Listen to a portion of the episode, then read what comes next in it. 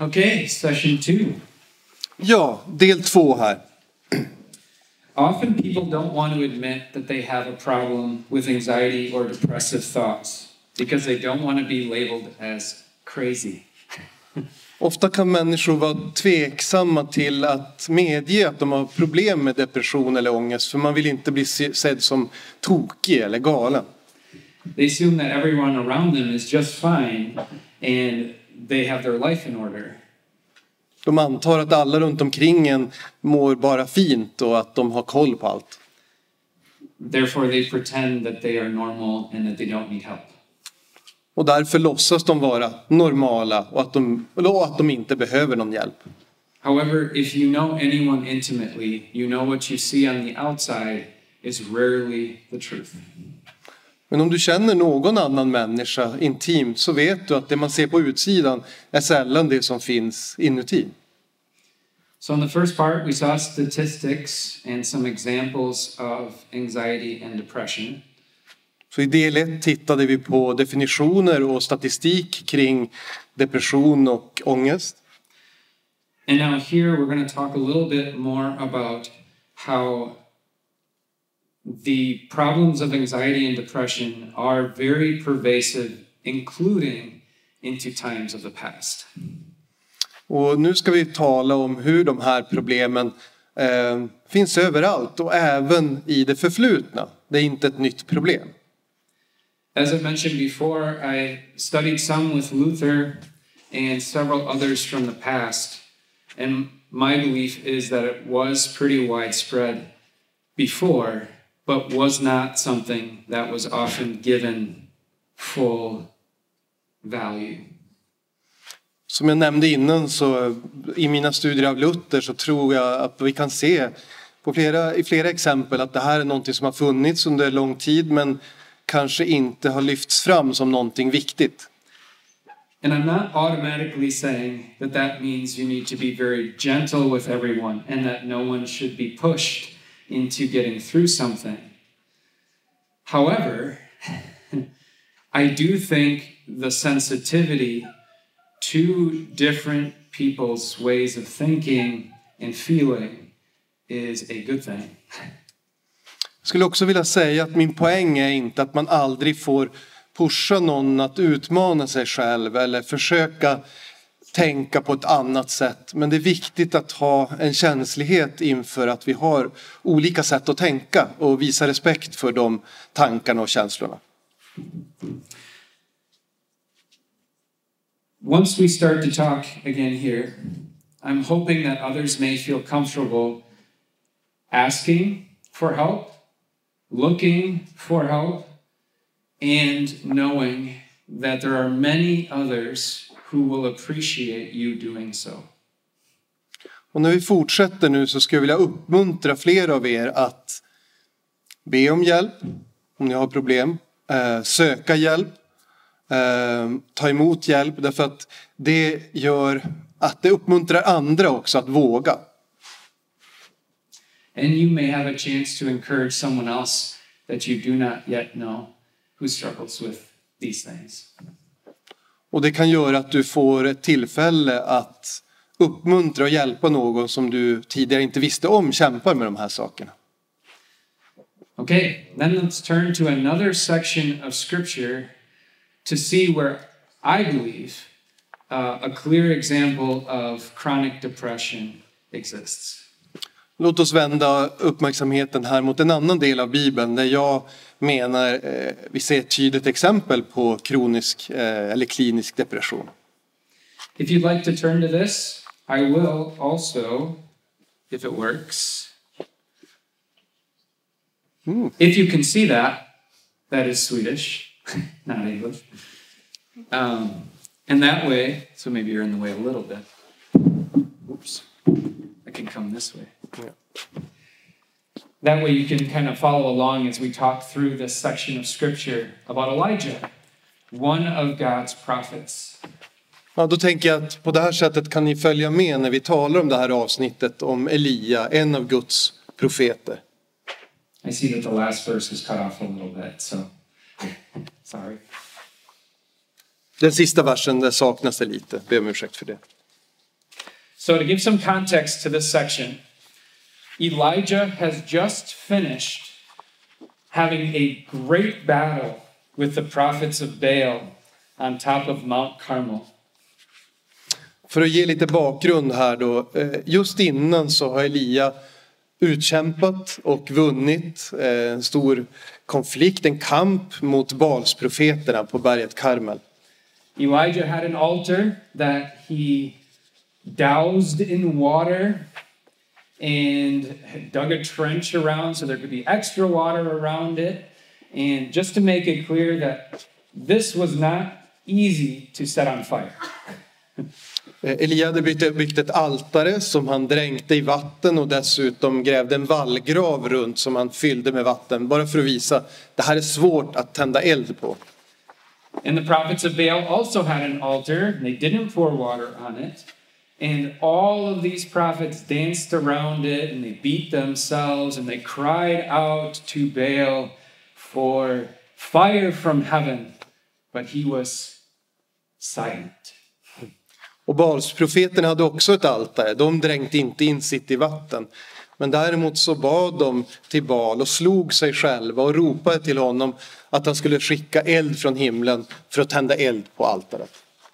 And Elijah was so confident and excited in this moment that he mocked them and said, Huh, your God must be sleeping. Elijah, han var, eh, Elia var så självsäker i den här situationen så att han, eller egentligen säker på Gud, inte på sig själv. Så att han hånade Balsprofeterna och han sa, ni måste ropa högre, eran Gud kanske sover, eller han kanske inte hör er. No fire from heaven came for the prophets of Baal. But as soon as Jesus, as soon as Elijah called out to God to send fire from heaven, there came a pouring fire that consumed the altar, the offering, the wood, the stones, and all of the water in the trench. Förstås är det så att Bal svarade inte. Han finns ju inte, det kom ingen eld. Men så fort Elia ropade till Gud så kom den så kraftig eld att den brände upp offret, altaret och också förångade allt vatten runt omkring.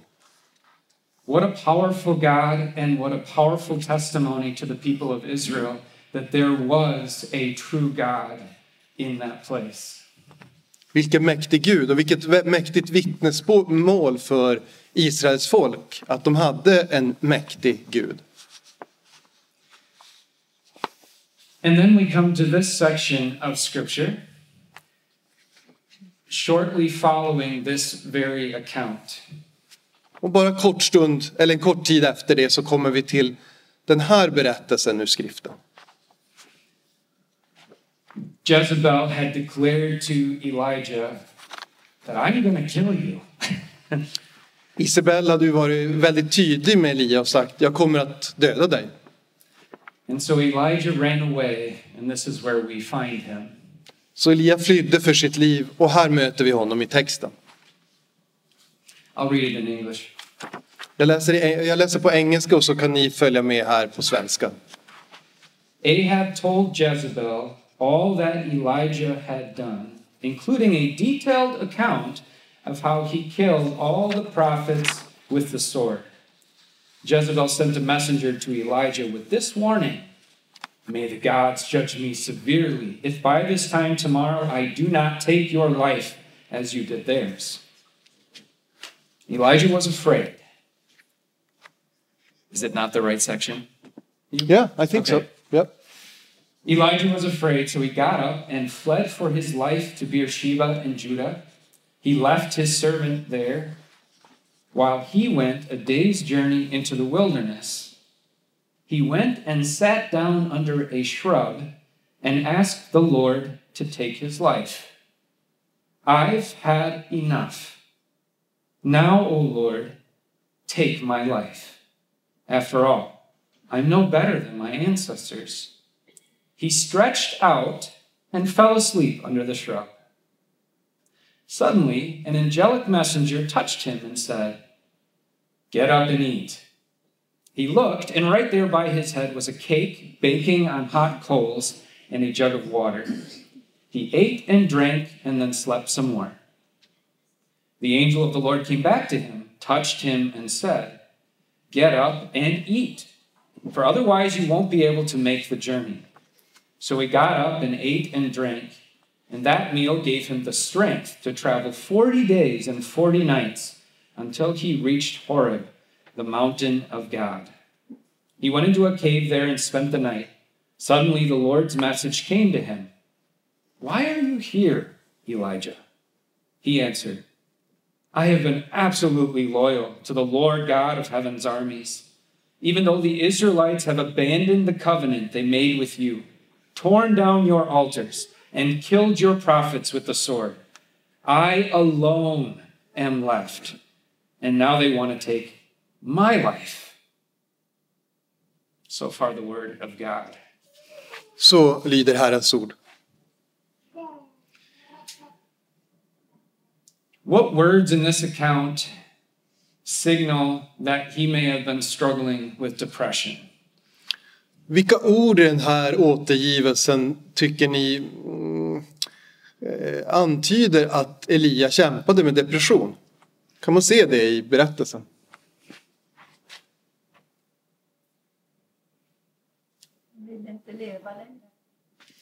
Yeah, he didn't want to live anymore. Han vill inte leva längre. Mm. Take my life. Ta mitt liv. I find it so striking. Yes, Jezebel threatened him, but she had done this before. Many times. Tycker det här är så slående. Visst är det så att Isabel hotade Elia, men det hade hon gjort många gånger tidigare. But he's just come off this literal mountaintop experience. Men han har just kommit ner från det här berget där han har haft den här fantastiska upplevelsen. God has rained down fire, showed himself to be the true God who can win any battle over anyone. Gud har skickat eld och visat att han kan vinna vilken kamp som helst mot vem som helst. And yet, here, a very short time from that moment, Elijah wants to die. Och ändå, bara en kort stund senare, så vill Elia dö. Have you ever experienced such a thing? Har du någonsin upplevt något sådant? A high moment in life where everything is going great, and then you drop off of a cliff and hit, a, hit the ground about three times on the way down, break about half your bones, and then lay on the ground and feel like you can't move. Att gå från att känna som att man är på världens topp och så sen eh, känns det som att man ramlar över ett stup och slår sig några gånger på vägen ner och sen ligger helt förkrossad på marken där nedanför. That was the best. Descri- I like that. Oh, sorry. that was a good translation of my actions. um, I'm guessing the obvious answer is this happens to you all the time. Och förmodligen är svaret det här händer hela tiden. These are emotions um, that all of us feel, some to a greater degree. Det här är känslor som vi alla känner men en del känner dem ännu starkare.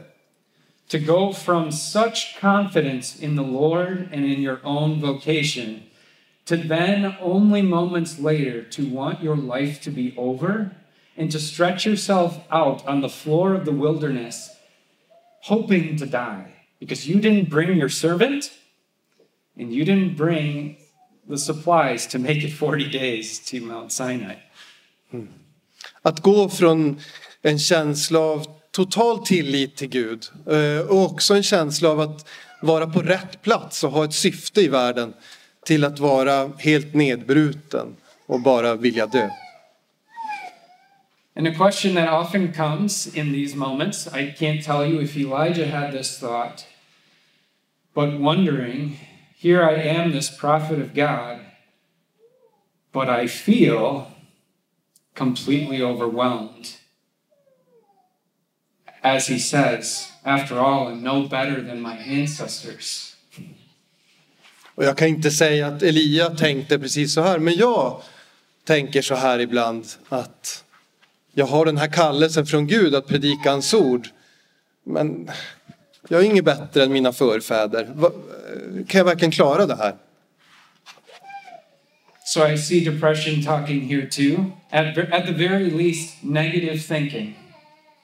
Så här ser jag, om inte depression så i alla fall negativa tankar som liksom slår klorna i en. And underneath depression, as I've had several counselors lead me through, it finds its energy and power from a endless cycle of negative thinking over and over that spirals into a deep pit. Och det har jag fått lära mig i terapin att depressionen finner liksom kraft och näring i de här negativa tankarna som blir en nedåtgående spiral tills man känner som att man är på en absoluta botten. And most of those negative thoughts are not true.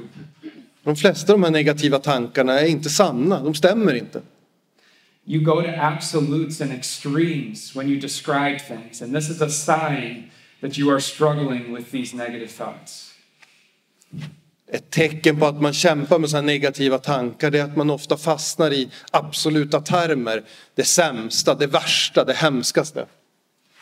Here in this section, Elijah says a few things that are very extreme. I vår text säger Elia några saker som är väldigt extrema.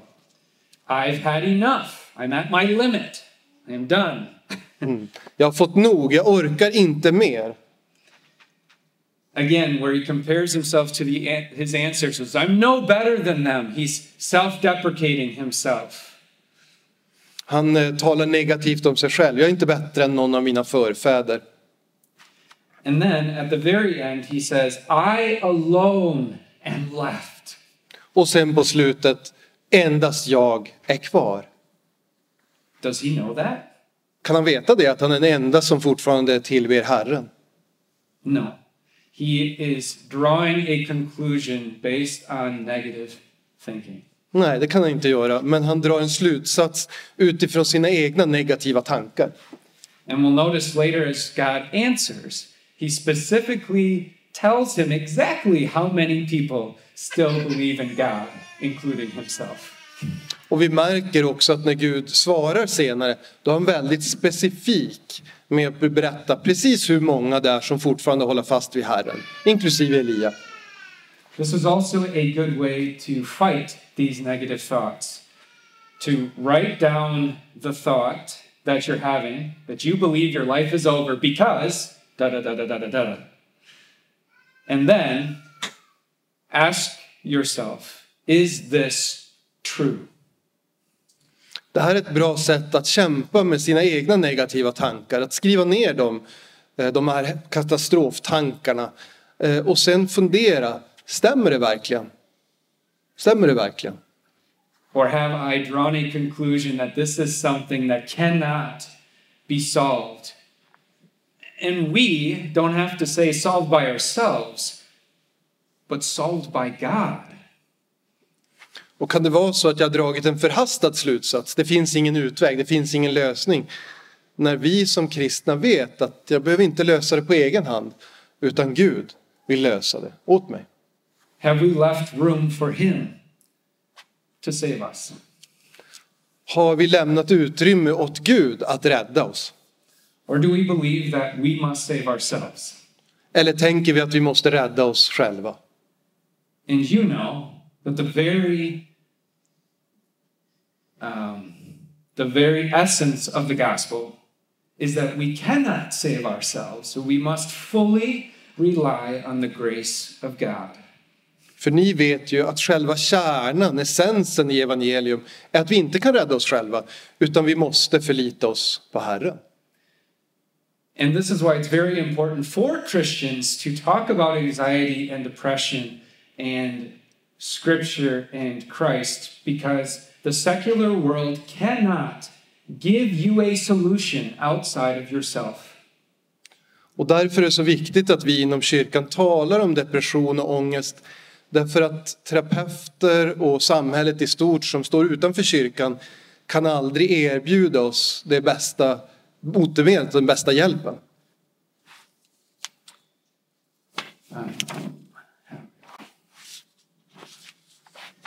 I make a point in here and I've lost my place, which is normal. Jag tar upp en sak i materialet och nu har jag tappat bort mig själv lite grann. Det är inget onormalt. I do this all the time in America too. um, if you look at the literature on anxiety and depression, you find a huge amount of self help books, especially in America, I think. Det är väldigt lätt att hitta eh, självhjälpsböcker som tar upp just depression och ångest. Särskilt i USA, men även här i Sverige. Hur man ska må bättre. Eh, tio enkla steg och så vidare. And in those books, it'll talk about how you can, through the power of your inner self, find a new version of yourself and, and build yourself up through time and effort and through these different steps. And then you will be able to better handle life, which is good if it works. Man kan säga att gemensamt för de här böckerna är att de uppmuntrar dig att hitta ditt inre jag och liksom återskapa det på ett starkare sätt. Och ofta har man då som sagt olika steg man ska följa. Och det är ju jättebra om det skulle funka. But if it doesn't, what comes?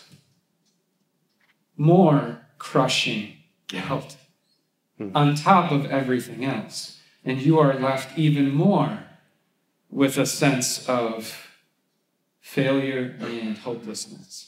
Men om det inte funkar, om du följer de här stegen pu- till punkt och pricka och ändå inte mår bättre, ja då innebär det mer skuld för dig. Du har ju misslyckats. God gives us a different way. Gud erbjuder en annan väg. Let's continue reading about Elijah. Vi fortsätter läsa om Elia.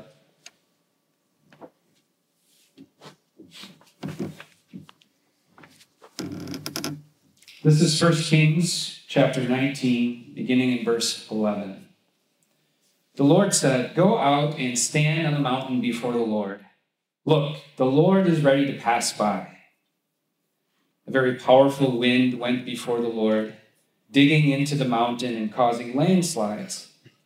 But the Lord was not in the wind. After the windstorm, there was an earthquake. But the Lord was not in the earthquake. After the earthquake, there was a fire. But the Lord was not in the fire. After the fire, there was a soft whisper. When Elijah heard it, he covered his face with his robe and went out and stood at the entrance to the cave. Suddenly, a voice asked him, Why are you here, Elijah? He answered, I have been absolutely loyal to the Lord God of heaven's armies even though the Israelites have abandoned the covenant they made with you, torn down your altars, and killed your prophets with the sword. I alone am left, and now they want to take my life. The Lord said to him, Go back the way you came, and then head to the wilderness of Damascus. Go and anoint Hazael, king over Syria. You must anoint Jehu, son of Nimshi, king over Israel, and Elisha, son of Shaphat, from Abel Mahalah, to take your place as prophet. Jehu will kill anyone who escapes Hazael's sword, and Elisha will kill anyone who escapes Jehu's sword. I still have left in Israel 7,000 followers who have not bowed their knees to Baal or kissed the images of him. Now, let me talk for a moment about how God responds to Elijah's depression. Låt oss tala lite om hur Gud svarar på Elias uttryck för depression. First, uh, I forgot to mention one thing in the first section. When Elijah says, Take my life, and he stretches out himself in the wilderness and falls asleep, basically awaiting death. Jag glömde en sak, den första delen som jag ville säga också. När Elia ger upp och räcker ut sina äh, armar där i öknen och lägger sig ner och egentligen bara väntar på dö. He's asked God to take his life, but instead, God sends an angel to give him what? Han har bett Gud att han ska få dö men istället sänder Gud en ängel som ger honom vad då? Kommer ni ihåg? Food. Mat. If you think food makes you feel better, you have biblical precedent. Så om du känner sådär att jag, bry- mat får mig att må bättre, då ser vi att det finns ett skriftställe på det också. And not only once, he does it multiple times. Och det är inte bara en gång, det gör han upple- upprepade gånger. There's a very practical part to this too. When you eat food, your body feels better. Och det finns ju en praktisk anledning, det är ju så, när du äter mat, när du får i dig näring, så mår ju kroppen bättre.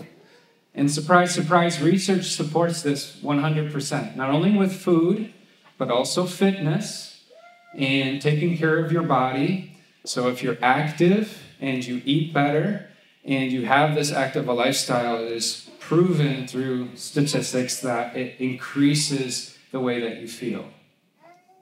Och det här visar också forskning på området, alltså att om man äter nyttigt och får i sig rätt näring, om man är aktiv och får motion, så mår man också bättre. The God of all creation knows how our bodies are meant to function, and he helps Elijah here have what he needs to get through the days ahead and also for his journey to Mount Sinai.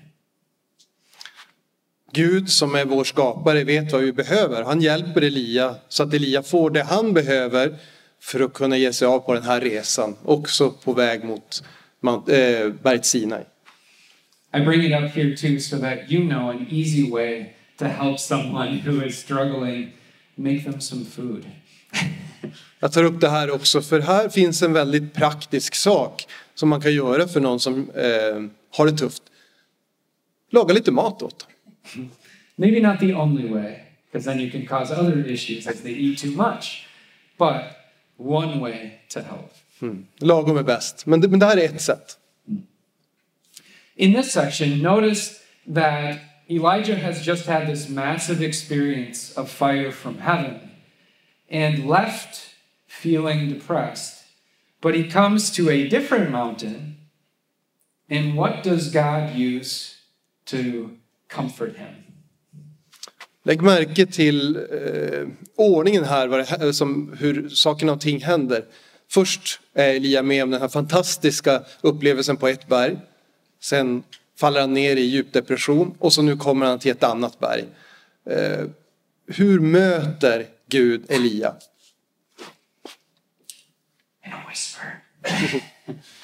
Med en viskning. It's intentional. Um, we can think of many Psalms where God says, Be still and know that I am God. Och det finns ett syfte bakom detta. Vi kan påminna oss om saltarsalmer där Gud uppmanar oss att vara stilla och inse att han är Gud. As humans, we think we have these wonderful experiences when I go on vacation and when I can pay for this for my children, or they can become bad world uh, masters in whatever sport and be at the top of their game.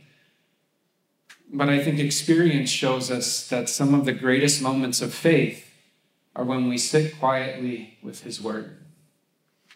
Många upplevelser i livet kanske vi känner är när vi är aktiva och gör någonting. Eh, en härlig semester eller eh, möjlighet att köpa någonting till familjen eller se att barnen lyckas med någonting och har framgång. Men när det gäller trons liv, då har vi nog de bästa upplevelserna när vi tar emot Guds nåd. Egentligen passivt. And the sad part about sinful human beings is we often wait until we're sick, hurting, and broken before we give God enough time to talk to us. Och det sorgliga med oss syndare det är att vi ofta väntar på att först bli ledsna eller känna oss förkrossade eller känna oss hopplösa innan vi låter Gu- Gud och hans ord ta tillräckligt mycket tid i våra liv. And then maybe you understand a little bit more of why Jesus always speaks in riddles and backwards when he says the first must be last and the last must be first, or the, the, the greatest must become the least and the least the greatest in the kingdom of God. These things start to make sense when you look at the deeper condition of the soul. Och när vi ser på själens konstitution, hur den fungerar, då är det lättare att förstå när Jesus talar, det kan verka som i gåtor och säga att den största ska bli den minsta och den minsta den största. Ehm, Det finns ett samband där.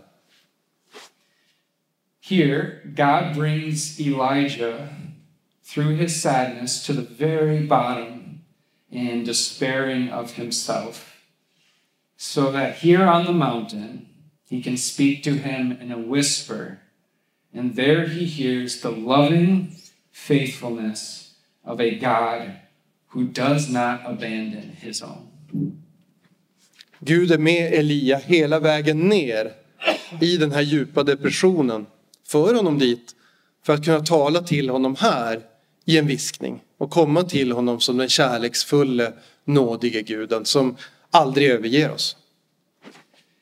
So, a great comfort if you or your loved one is struggling with anxiety and depression is that God can do great things there.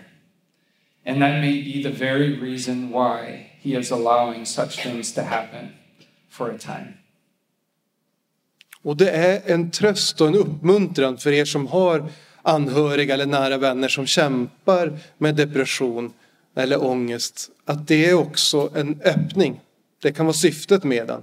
Här finns en möjlighet att nå fram med Guds stärkande ord om förlåtelse och frid.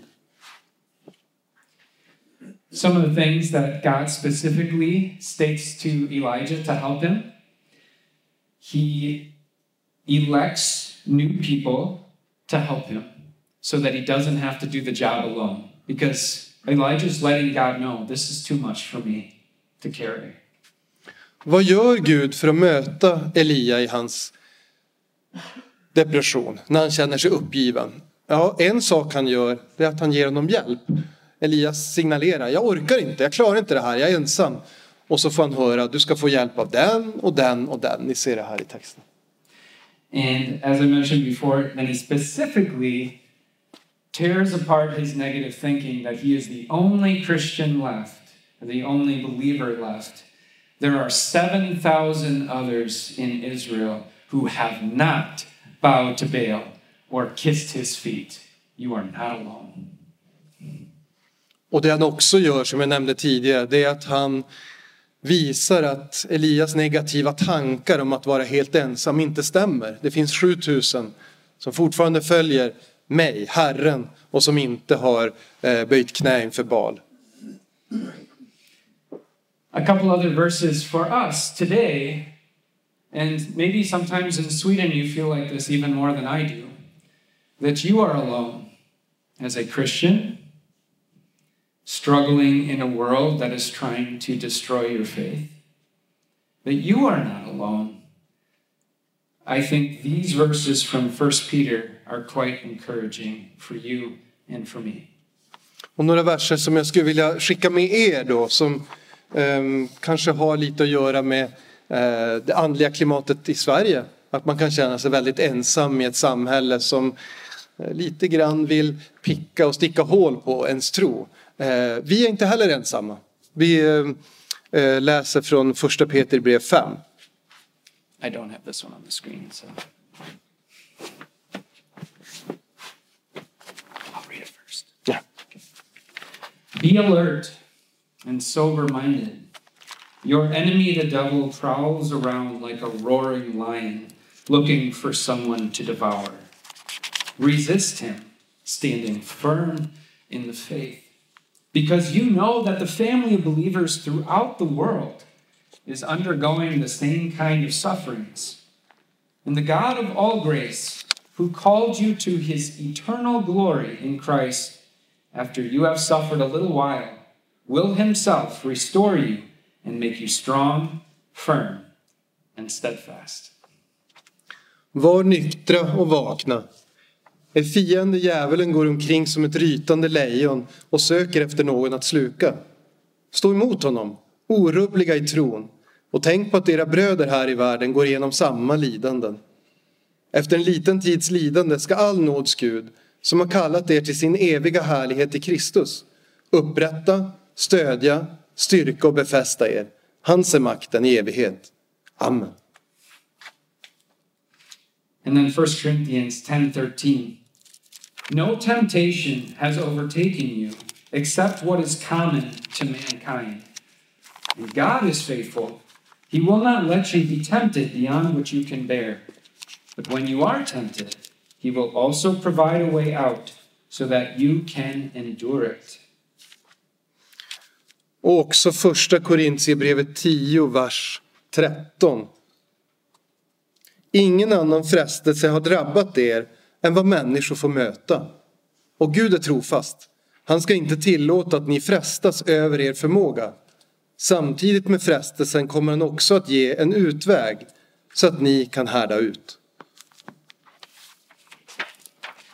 That second passage is misused in America all the time.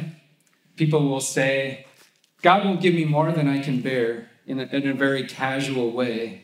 But I think that can leave you with feeling like God has abandoned you if you don't understand it correctly. Det här bibel, sista bibelstället från första Korintierbrevet 10.13 används felaktigt ibland där människor lite så här lätt säger asch, Gud kommer inte att, utsätta mig för någonting som jag inte klarar av. Because then when they're in something they feel they can't carry, then they'll say, God has abandoned me.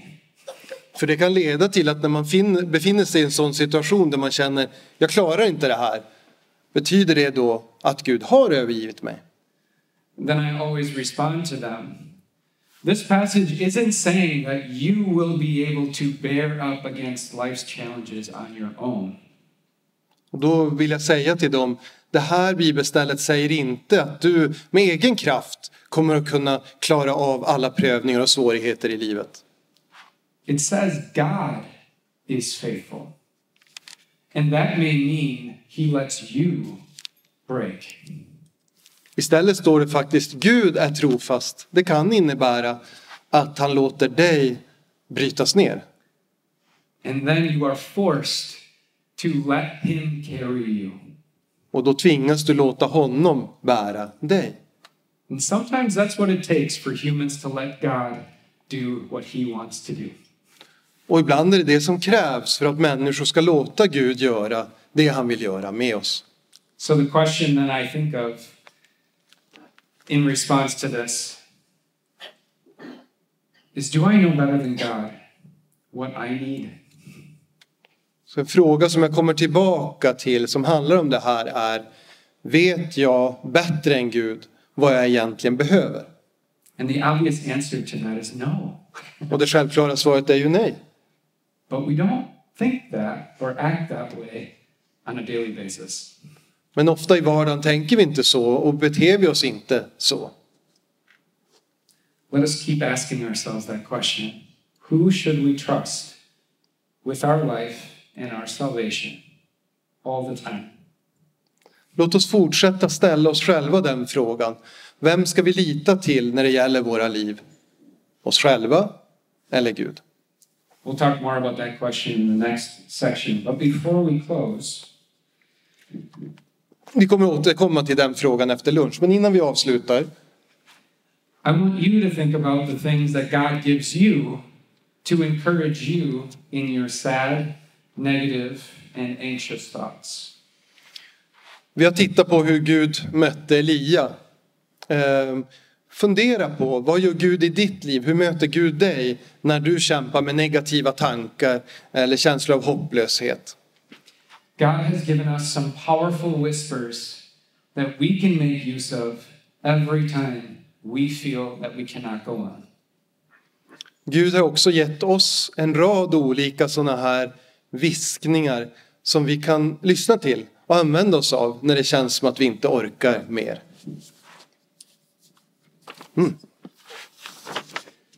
Number one, Americans love lists. I don't, but I will use it today. Amer- Nummer ett, amerikaner älskar listor men eh, det gör inte jag. Men, men jag ska använda den här idag. Number one, attend worship to hear the word of God be absolved of your sins, and echo the promises of God in prayer, song, and liturgy with the family of believers. Gå till gudstjänst för att lyssna på Guds ord, för att bli avlöst från dina synder och för att eh, ge åter, eh, för att tala om Guds löften i bönen, i sången och i liturgin tillsammans med dina trossyskon. Remind yourself of your baptismal identity. Every morning, children of God through Christ's perfection, death, and resurrection. His mercy is new for you every morning that frees you from your past and empowers you for the day. Påminn dig själv varje morgon om vem du är genom dopet. Ett Guds barn genom Kristi felfria liv, död och uppståndelse. Hans nåd är ny för dig varje morgon. Och den gör dig fri från det förflutna och ger dig kraft att möta en ny dag. Partake in the holy sacrament of communion, where you receive Jesus' very body and blood to personally assure you of your forgiveness and to strengthen you for the days ahead. Ta del av Herrens heliga nattvard där du får ta emot Jesu sanna kropp och blod och på ett personligt sätt bli försäkrad om att du är förlåten och där du också får ta emot kraft, eh, ny kraft i tron eh, så att du får kraft också att kämpa trons kamp. Daily read and meditate God's word as he speaks to you at home and to your family.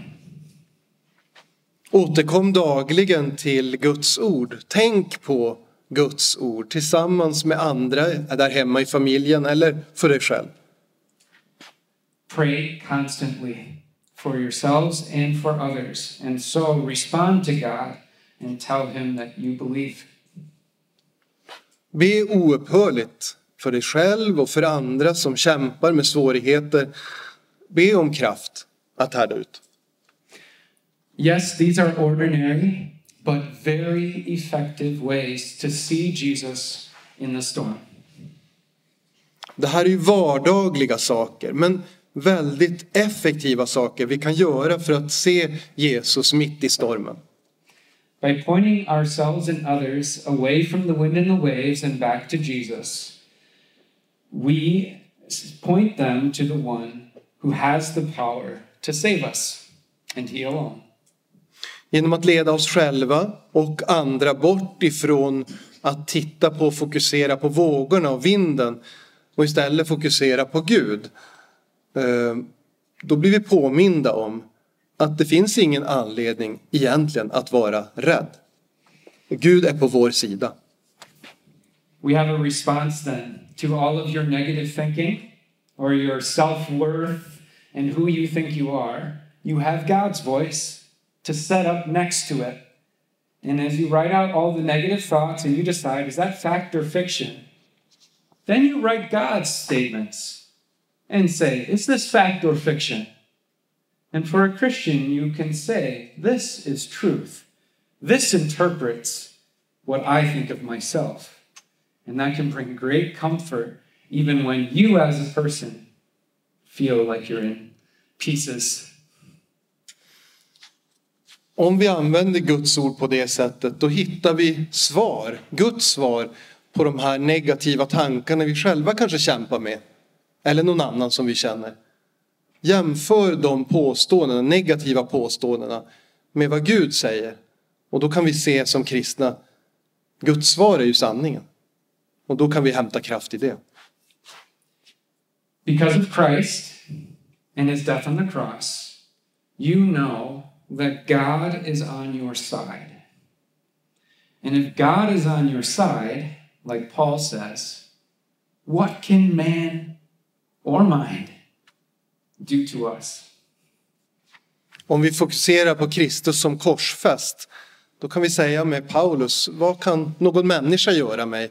Och vi kan också säga, vad kan mina egna tankar göra mot mig när Jesus har återvunnit mig?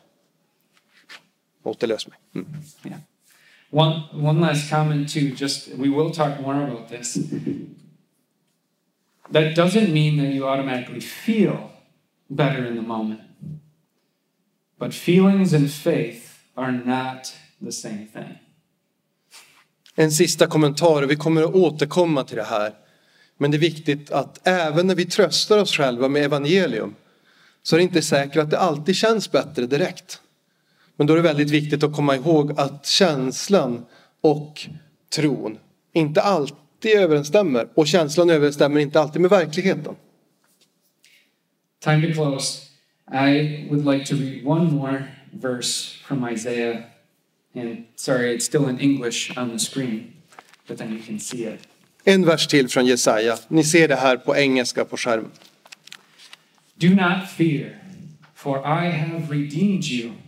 I have summoned you by name. You are mine. When you pass through the waters, I will be with you. And when you pass through the rivers, they will not sweep over you. When you walk through the fire, you will not be burned. The flames will not set you ablaze. For I am the Lord your God, the Holy One of Israel, your Savior. Do you want me to read it? Ni ser här Jesaja 43, 1-3. Men så säger nu Herren, han som har skapat dig Jakob, han som har format dig Israel. Var inte rädd, för jag har återlöst dig. Jag har kallat dig vid namn. Du är min. Om du går genom vatten är jag med dig, eller genom strömmar så ska de inte dränka dig. Om du går genom eld ska du inte bli svedd, lågan ska inte bränna dig. För jag är Herren, din Gud, Israels helige, din frälsare. Jag ger Egypten till lösen för dig, Nubien och Seba i ditt ställe. Låt oss bedja. Let us pray. Dear Almighty God, whisper into our darkest nights the subtle and yet powerful reminder of your presence and your faithfulness. Käre allsmäktige Gud. Viska in i våra allra mörkaste nätter eh, de kraftfulla påminnelserna om din närvaro och din trofasthet. Beat the drumbeat of hope into our hearts so that we can fight against the drone of negative thinking that threatens to drown out the light. Hjälp oss att våra hjärtan slår med hopp så att vi kan kämpa mot det ändlösa cykeln av negativa tankar som hotar att släcka ljuset. By the power of your Holy Spirit, sustain us when we feel broken and make us walk when we feel paralyzed. Genom den helige Andes kraft uppehåll oss när vi känner oss nedbrutna. Hjälp oss att gå när vi känner oss paralyserade. We know that even when we despair of ourselves, you will do what we never could. Vi vet att även när vi misströstar kring vår egen förmåga så kommer du att göra det vi aldrig skulle klara. Thanks be to you, our rock and our redeemer. Amen. Tack till dig, din är äran, vår klippa och vår återlösare. Amen. Thank you. Questions? Sorry. We have a few minutes. Vi har några minuter kvar. Eh, har ni några frågor? Eller om någon vill dela med sig av någonting, berätta.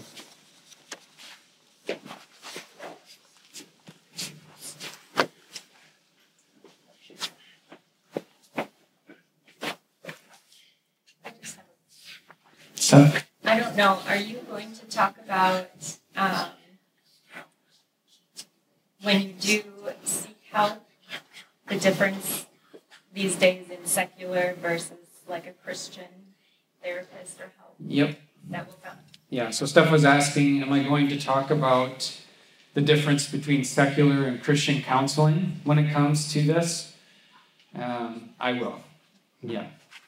Stephanie frågade om vi kommer att prata någonting om skillnaden mellan sekulär och kristen terapi och vägledning eh, när det gäller de här frågorna. Och det kommer vi att ta upp senare. Corey also had uh, a comment from the first session where he was saying, I had mentioned that it was God's design. It may be God's design that you struggle with this, and and just wondering if I could clarify that. And I think that's good. Um, obviously, God's perfect design is that we wouldn't struggle with anything sinful. Um, but I do think it may be part of God's design in us that some of us are more sensitive to some of those things than others, where you have different personality types. And that's not necessarily sinful. Um, that's actually quite a beautiful thing. The hard part is we live in a world that demands too much of us as broken human beings, and we cannot live up to that level of struggle. So I guess that's how I would clarify that, because you're right. I, God doesn't design us with sin. Um, but it's hard for us to separate that since we are born with sin. Ja, ett klargörande kanske här kring eh, en kommentar, den första delen. Eh, Skapar Gud oss? Skapar Gud oss med det här eh, med synd? Och där skulle vi säga nej. Men eftersom vi är syndare och skapelsen har fördärvats av synden, av syndafallet, så föds vi med olika styrkor och svagheter, olika personligheter. Och de här är tillgångar, de här skill- skillnaderna. Men i en syndig värld så kommer vissa att ha svårare att kämpa med vissa saker. Där kan jag- Yeah. And I think in heaven, we'll get to experience this as we are the body, the perfect body in heaven. We'll still be unique. We'll still possess the beauties of our character, removed from sin and sadness, but you're still you. Finally free to live in for God's glory and perfection, complementing and loving each other in unique ways. Och jag tänker att så här kommer det vara i himlen. Alltså att vi kommer fortsätta fortfarande att vara olika. Vi kommer ha kvar vår personlighet. Eh, Men ingen av, inget av den kommer ju då vara en svaghet. Utan bara kompletterande styrkor. I hur vi lovprisar Herren. Och njuter av gemenskapen mellan alla helgon. Any last question? Otherwise, I'll let you bring it next time too. Någon annan fråga? Annars så finns det ju fler tillfällen. Bland annat efter lunch här. Tack så mycket. Tack ska ni ha.